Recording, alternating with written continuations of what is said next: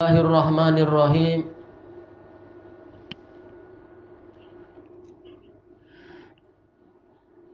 Qala Syekhah Ummu Abdullah Al-Ba'daniyah hafizahallahu taala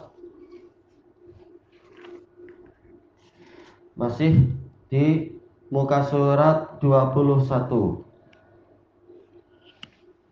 Wa qala subhanahu wa ta'ala falamma dakhalu ala Yusuf awa ilaihi abawaih Allah Subhanahu wa taala berfirman tatkala mereka masuk menemui Yusuf mereka ini siapa? Yaitu rombongan dari Syam yang dipimpin oleh uh, Nabi Yakub alaihi salam. Awa ilaihi abawaih Yusuf memeluk ayah dan ibunya dalam kisah Israiliyat bukan ayah dan ibunya sebenarnya tapi ayah dan makciknya. Tapi para ulama yang lain mengatakan tidak ada satu dalil pun yang sahih menunjukkan bahwasanya ibu dari Nabi Yusuf telah meninggal dunia. Sementara Quran terang-terangan bilang abawai selesai, tak perlu pening-pening. Yaitu ayah dan ibunya. Tayyib. Wa qala dukhulu Misra insyaallahu aminin. Beliau mengatakan, masuklah kalian semua ke Mesir. Ini dohirnya, Misra yaitu Mesir. Nah, ya, karena tidak ada tanwin. Kalau tanwin, Misran yaitu salah satu negeri. Walaupun ini memang agak membingungkan. Apakah mereka waktu itu disambut oleh Nabi Yusuf di pusat kekuasaan Oh alam pusat kekuasaan Mesir yang kuno itu di mana? Anak agak lupa. Jelas ini jauh sebelum terbentuknya Iskandaria, jauh sebelum Macedonia terbentuk bahkan. Macedonia itu masa-masa jauh setelah itu. Di masa dohirnya adalah menjelang Nabi Isa. Sementara Nabi Yusuf jauh sebelum Nabi Nabi Musa. Maka Iskandaria yang ada di Mesir yang dibuat oleh Raja Macedonia, Alexander itu, ini belum ada. Tayyib. Dan jelas Kairo itu juga belum terbentuk. Kairo itu ibu kota dari Mesir yang baru. Sementara ini Mesir yang sangat kuno di zaman Nabi Yusuf, belum jauh dari zaman Nabi Ibrahim. Maka tak tahu ibu kota yang lama dulu di mana. Tayyib. Kalau Nabi Yusuf ternyata di pusat ibu kota, maka bagaimana Nabi Yusuf mengatakan pada mereka masuklah ke Mesir? Jelas mereka sudah di jantung Mesir. Tapi ada kemungkinan namanya namanya menteri itu memiliki beberapa istana, dikasih banyak istana oleh rajanya, apalagi beliau memang orang yang sangat baik dan sangat berjasa. Boleh jadi beliau menyambut mereka di tepi-tepi kekuasaan Mesir. Di mungkin apa? dekat dengan sempadan. Dan ini lebih menunjukkan ketawaduan beliau kepada kedua orang tuanya dan bakti beliau kepada kedua orang tuanya. Tidak menunggu orang tuanya di pusat kota tapi betul-betul menyongsong menyambut di sempadan. Ini adalah bakti yang sangat bagus. Maka boleh jadi inilah yang yang berlaku pada waktu itu. Jadi Nabi Yusuf menyambut mereka masih di dekat sempadan di salah satu istana beliau di sana Kemudian beliau mengatakan, "Udkhulu Misra insyaallahu aminin." Masuklah kalian ke Mesir insyaallah dalam keadaan aman. Walaupun kalian bukan bangsa Egypt, kalian orang asing, tapi saya dimuliakan di sini. Saya jadi gubernur, uh, jadi menteri dan seterusnya itu. Wa rafa'a abawaihi 'alal arsy wa kharru lahu sujada. Dan Nabi Yusuf mengangkat ayah dan ibunya ke atas ars. Ars sebagaimana kata para mufassirin maksudnya adalah asarir yaitu apa? Kalau bahasa di sini tilam uh, bukan tilam apa? Katil. Dipan balai-balai semacam apa? Semacam ranjang yang ya semacam ranjang. Itulah ars dan jelas ars seorang menteri tidak sama dengan aras orang biasa. Wa lahu sujada dan mereka semua sujud kepada Nabi Yusuf. Sujada ini hal dengan pola jamak taksir.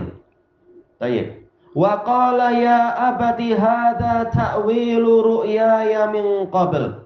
Nabi Yusuf mengatakan, "Wahai ayahku sayang, ini adalah pelaksanaan dari mimpi saya yang sebelumnya." Takwil maknanya adalah al-haqiqatul lati ya'ulu ilaihal amr, yaitu hakikat yang menjadi akhir urusan itu, yaitu pelaksanaannya. Inilah takwil di sini. Pelaksanaan dari mimpi yang dulu adalah ini. Apa mimpi yang di alami oleh Nabi Yusuf mengatakan apa? Inni ra'aitu ahada asyara kaukaba wasyamsa wal qamara ra'aituhum li sajidin. Sesungguhnya saya melihat sebelas bintang. Takwilnya adalah saudara-saudaranya sebelas. Wasyamsa wal qamar, ibu dan ayah. Asyams ini adalah ibunya. Al-qamar adalah ayahnya. Alal khilaf. Karena kalau di bahasa Arab kan dalam yaitu matahari ini adalah muannats, sementara qamar itu adalah mudzakarnya. Baik. Walaupun bukan mustahil dalam kebiasaan Bani Israel yang namanya matahari itu adalah untuk yang ayah, bulan itu adalah untuk ibunya. Itu bukan mustahil. Intinya adalah ayah dan ibu serta sebelas saudaranya itu sujud.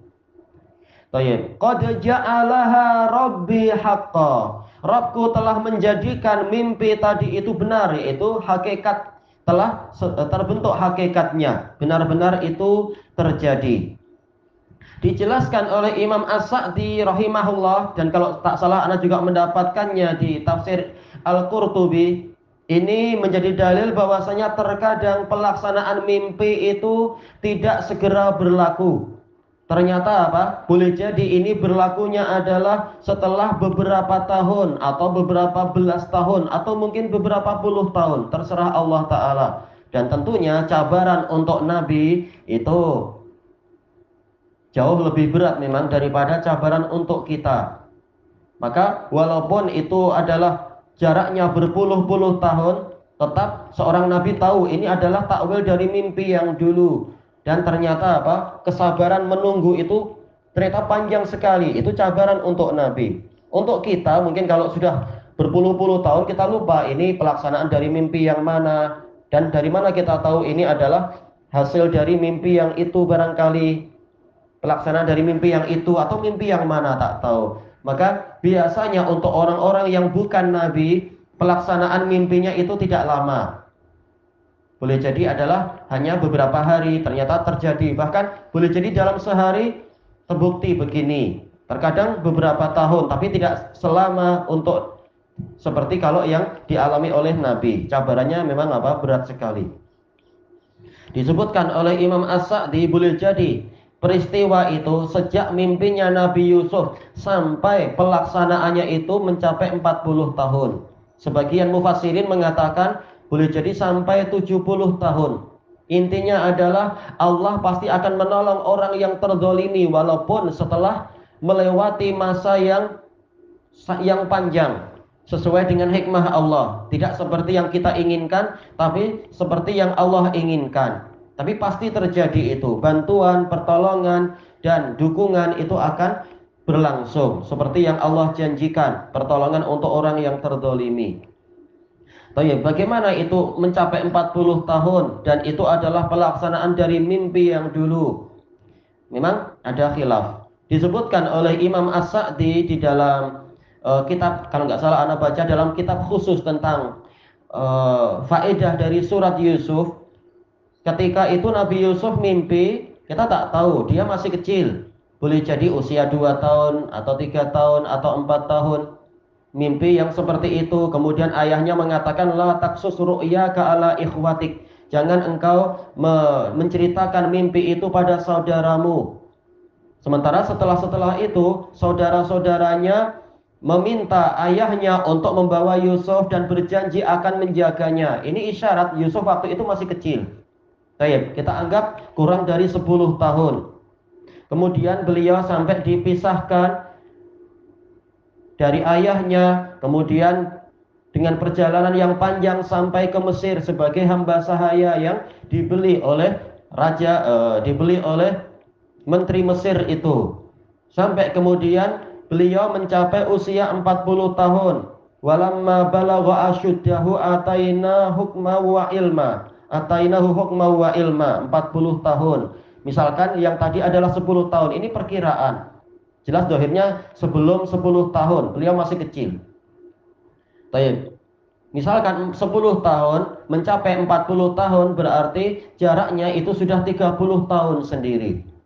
Kemudian beliau setelah itu digoda oleh istri dari e, dari menteri tersebut dan juga digoda oleh para wanita bangsawan yang datang yang sampai me, melukai tangan-tangan mereka sendiri sampai kemudian beliau masuk penjara. Selanjutnya beliau di penjara bid asinin. Kata Imam As-Sa'di boleh jadi bid asinin itu adalah tujuh tahun. Baik. Berarti apa? 30 tahun ditambah dengan 7 tahun itu sendiri sudah 37. Baik. Kemudian sampai dihadapkan kepada raja untuk menakwilkan oh, yaitu menceritakan mimpi raja itu sesuai dengan yang diceritakan di dalam penjara. Lalu mereka mengalami tujuh tahun, tujuh tahun apa istilahnya ya?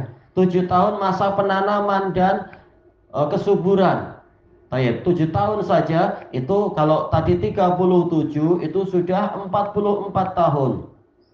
Kemudian 7 tahun berikutnya itu adalah masa-masa kekeringan. Tapi alhamdulillah orang-orang Mesir dengan dukungan dari Nabi Yusuf mereka mampu mengurusi itu dengan apa? Dengan uh, lumbung padi yang uh, lumbung tanaman yang sangat yang sangat banyak di gudang-gudang mereka. Baik.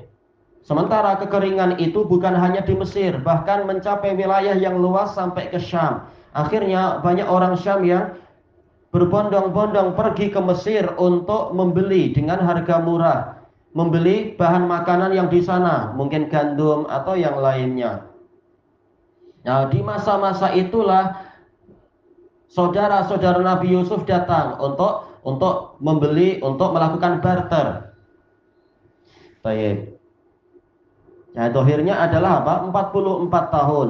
Kemudian perjalanan balik lagi terkait dengan yaitu mereka diminta oleh Nabi Yusuf untuk mendatangkan saudara yang seayah dan seibu yaitu kalau Israeliatnya adalah Bunyamin dan perjalanan masa itu tidak secepat sekarang kemudian balik lagi mereka membawa membawa saudaranya itu sambil menjual eh, sambil melakukan barter lagi Sampai kemudian apa? Saudaranya itu ditahan oleh Nabi Yusuf seperti yang Allah Ta'ala ceritakan.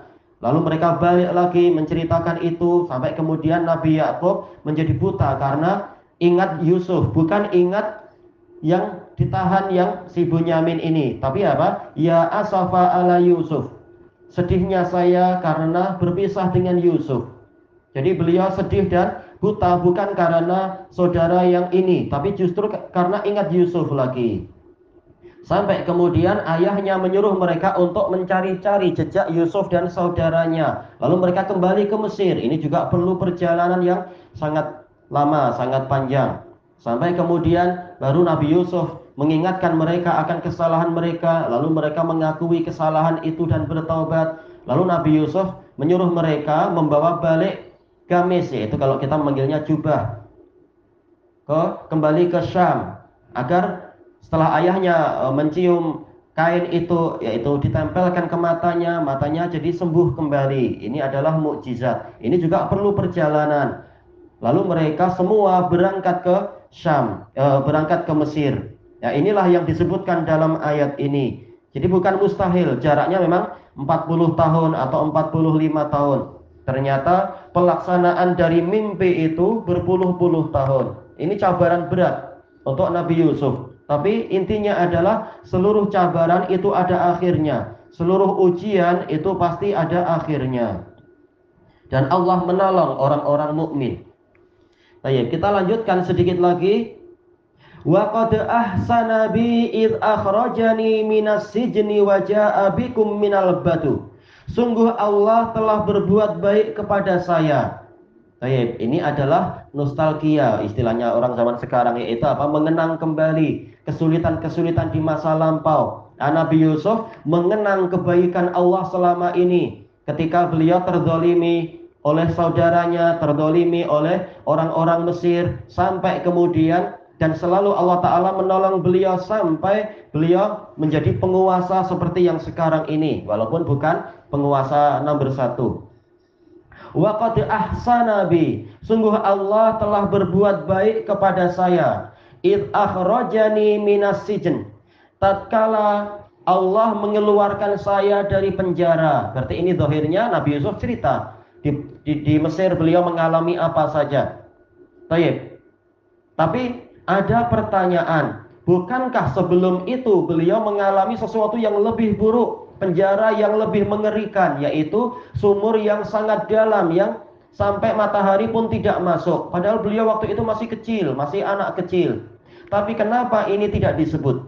Diceritakan oleh Al-Qurtubi dan lain-lain, ini termasuk dari kesempurnaan akhlak Nabi Yusuf.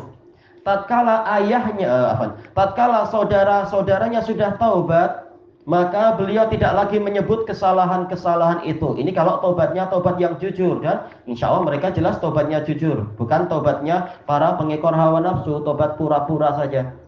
Tapi tatkala mereka memang jujur bertaubat, maka tidak layak kesalahan itu disebut-sebut lagi. Makanya Nabi Yusuf tidak menyebutkan masalah masalah sumur, tapi yang disebutkan adalah peristiwa yang beliau alami di Mesir. Yang mana tidak diceritakan Apakah waktu itu orang-orang Mesir sudah bertaubat dan masuk Islam? Dohirnya adalah banyak yang tidak mau masuk Islam. Sebagaimana itu diisyaratkan dalam surat Ghafir. Dialog antara Fir'aun yang di zaman Nabi Musa dengan seorang bangsawan yang menyembunyikan keimanannya itu. Walaqad ja'akum Yusufu min qablu bil bayyinati famaziltum fi.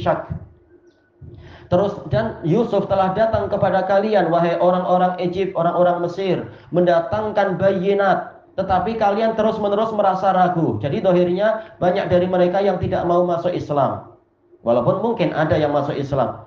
Makanya Nabi Yusuf tetap mengungkit-ungkit masalah penjara itu karena memang ini beliau didolimi dan tidak diketahui adanya taubat dari para bangsawan Mesir itu. Wajah abikum minal badu dan di antara bentuk kebaikan Allah juga adalah dia mendatangkan kalian dari pedalaman, pedalaman Syam yang di Kanan pada waktu itu. Ini adalah nikmat besar kalian dalam keadaan mengalami kesulitan di sana lalu Allah mendatangkan kalian di sini di negeri asing justru kalian dimuliakan. Ini kebaikan yang sangat besar. Mim ba'di an nazagha syaitanu baini wa baina ikhwati setelah setan menghasung perselisihan antara saya dan saudara-saudara saya. Kata Al-Qurtubi ini juga menunjukkan bagusnya akhlak Nabi Yusuf. Jelas Nabi Yusuf tidak salah sama sekali dalam peristiwa itu. Tetapi tatkala saudaranya sudah bertaubat dan memang Nabi Yusuf itu akhlaknya memang sangat mulia, beliau menisbatkan ini pada mereka semua. Yaitu apa? Setan menghasung perselisihan antara saya dan saudara saya. Tidak mengatakan sama sekali setelah saudara saya mendolimi saya. Tak.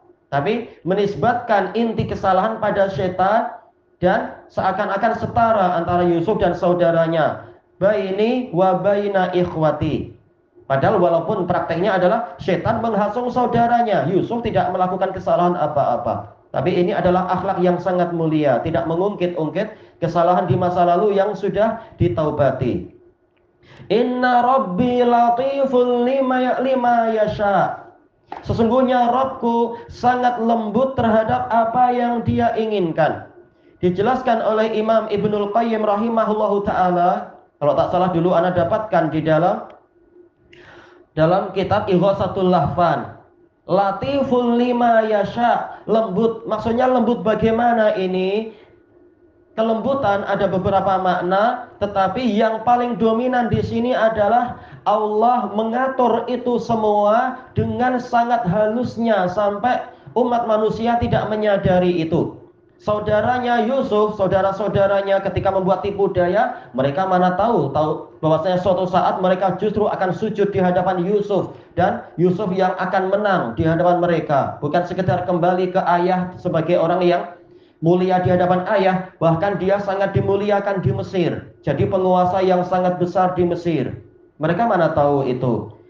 Taib. Dan seterusnya. Demikian pula ketika mereka membuang Nabi Yusuf Tujuannya adalah agar yahlulakum wajuhu abikum, agar wajah dan perhatian ayah Anda, ayah kalian khusus untuk kalian saja. Kalau Yusuf sudah hilang, ternyata mereka tidak tahu bahwasanya Allah menghendaki kecintaan pada Yusuf selalu ada pada ayahnya dan tidak pernah ayahnya lupa terhadap Yusuf.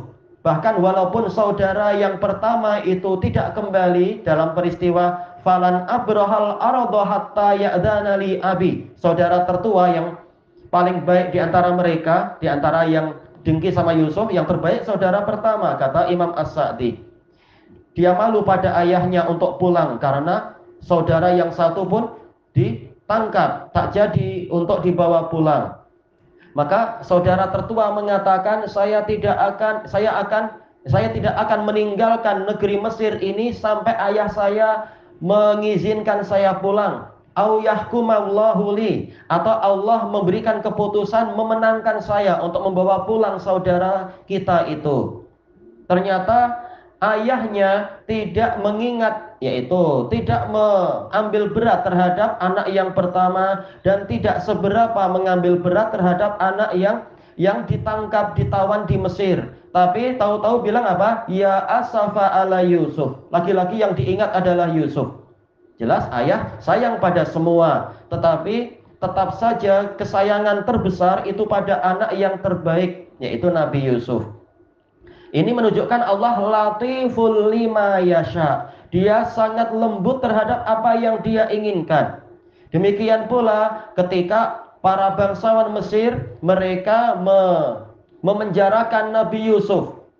Fal, uh, yaitu apa? Tujuannya kata kata Imam Ibnu Taimiyah rahimahullah agar orang-orang lupa dengan peristiwa yang memalukan itu. Yang mana istri dari menteri sampai uh, menggoda hamba sahaya dia atau anak angkat dia yang memang jadi hamba sahaya. Ini memalukan. Sampai bahkan para bangsawan Mesir perempuannya itu sampai melukai tangannya sendiri karena tergoda oleh hamba sahaya. Ini sangat memalukan. Kastanya sangat tidak sama. Maka ini sangat memalukan maka agar orang-orang lupa dengan peristiwa itu Yusuf harus disingkirkan dimasukkan saja dalam penjara tetapi mereka tidak menyadari Allah latiful lima yasha sangat halus di dalam melaksanakan apa yang dia inginkan. Mereka ingin dia dipenjara dan dilupakan, ternyata dalam jarak beberapa tahun justru satu negara perlu sama beliau. Perlu pada takwil mimpi beliau, karena semuanya tidak ada yang tahu tentang makna itu dan perlu kepada pengaturan beliau sebagai pengatur e, perbendaharaan negara. Sehingga populariti Nabi Yusuf itu jadi nomor satu. Bahkan rajanya pun kalah populer. Sebagaimana disebutkan dalam ucapan para mufassirin. Bahkan rajanya sangat taat pada Nabi Yusuf. Ini menunjukkan seluruh tipu daya yang tipu daya yang dilakukan oleh orang-orang tadi itu semua kalah dibandingkan dengan tipu daya Allah yang latif yang sangat halus ini di antara makna latiful lima yasha dan ada makna yang lain yaitu Allah bersikap lembut kepada orang-orang yang baik. Innahu huwal alimul hakim. Sesungguhnya Allah maha mengetahui. Dia tahu siapa saja yang terdolimi dan siapa yang zalim. Hakim dan dia meletakkan segalanya tepat pada tempatnya. Apa yang layak diberikan kepada Nabi Yusuf dan bila waktu yang sesuai untuk mempertemukan Yusuf dengan ayah ibu dan saudara-saudaranya. Dan Allah Ta'ala dengan hikmahnya menyempurnakan cabaran untuk Nabi Yakub. Cabaran kehilangan mata itu juga cabaran yang besar. Bukan sebagai bentuk kezaliman dari Nabi Yusuf tapi ini adalah wahyu Allah kepada Nabi Yusuf untuk melakukan perkara tadi yaitu apa? Mengambil saudaranya. Padahal jelas ini akan membuat tambah sedih ayahnya. Tapi kata para mufassirin, ini adalah bagian dari hikmah Allah yang boleh jadi Allah wahyukan pada Nabi Yusuf. Dan Nabi Yusuf taat kepada apa yang Allah inginkan untuk menyempurnakan derajat pahala Nabi Yakub dengan berbagai cabaran itu. Ini adalah bagian dari pelaksanaan dari nama Allah Al-Alimul Hakim. Baik. Nah, dari ini semua kita mengambil pelajaran cabaran-cabaran dan ujian serta kesulitan yang dialami seorang mukmin itu dibalik itu akan ada pertolongan dan dukungan dari Allah taala dan di dalamnya ada rahmat yang besar. Cuma apa? Kita mendapatkan kewajiban untuk bersabar dan setia di dalam peribadatan ilahuna wallahu a'lam. Ini panjang ya. Tapi memang para ulama menafsirkan ini dengan bagus sekali. Tadabur ayat-ayat surat Yusuf ini bagus sekali. Sayang kalau kita lewatkan. Walhamdulillahirabbil alamin. Inna Allah wa malaikatahu yusalluna ala nabi. يا أيها الذين آمنوا صلوا عليه وسلموا تسليماً.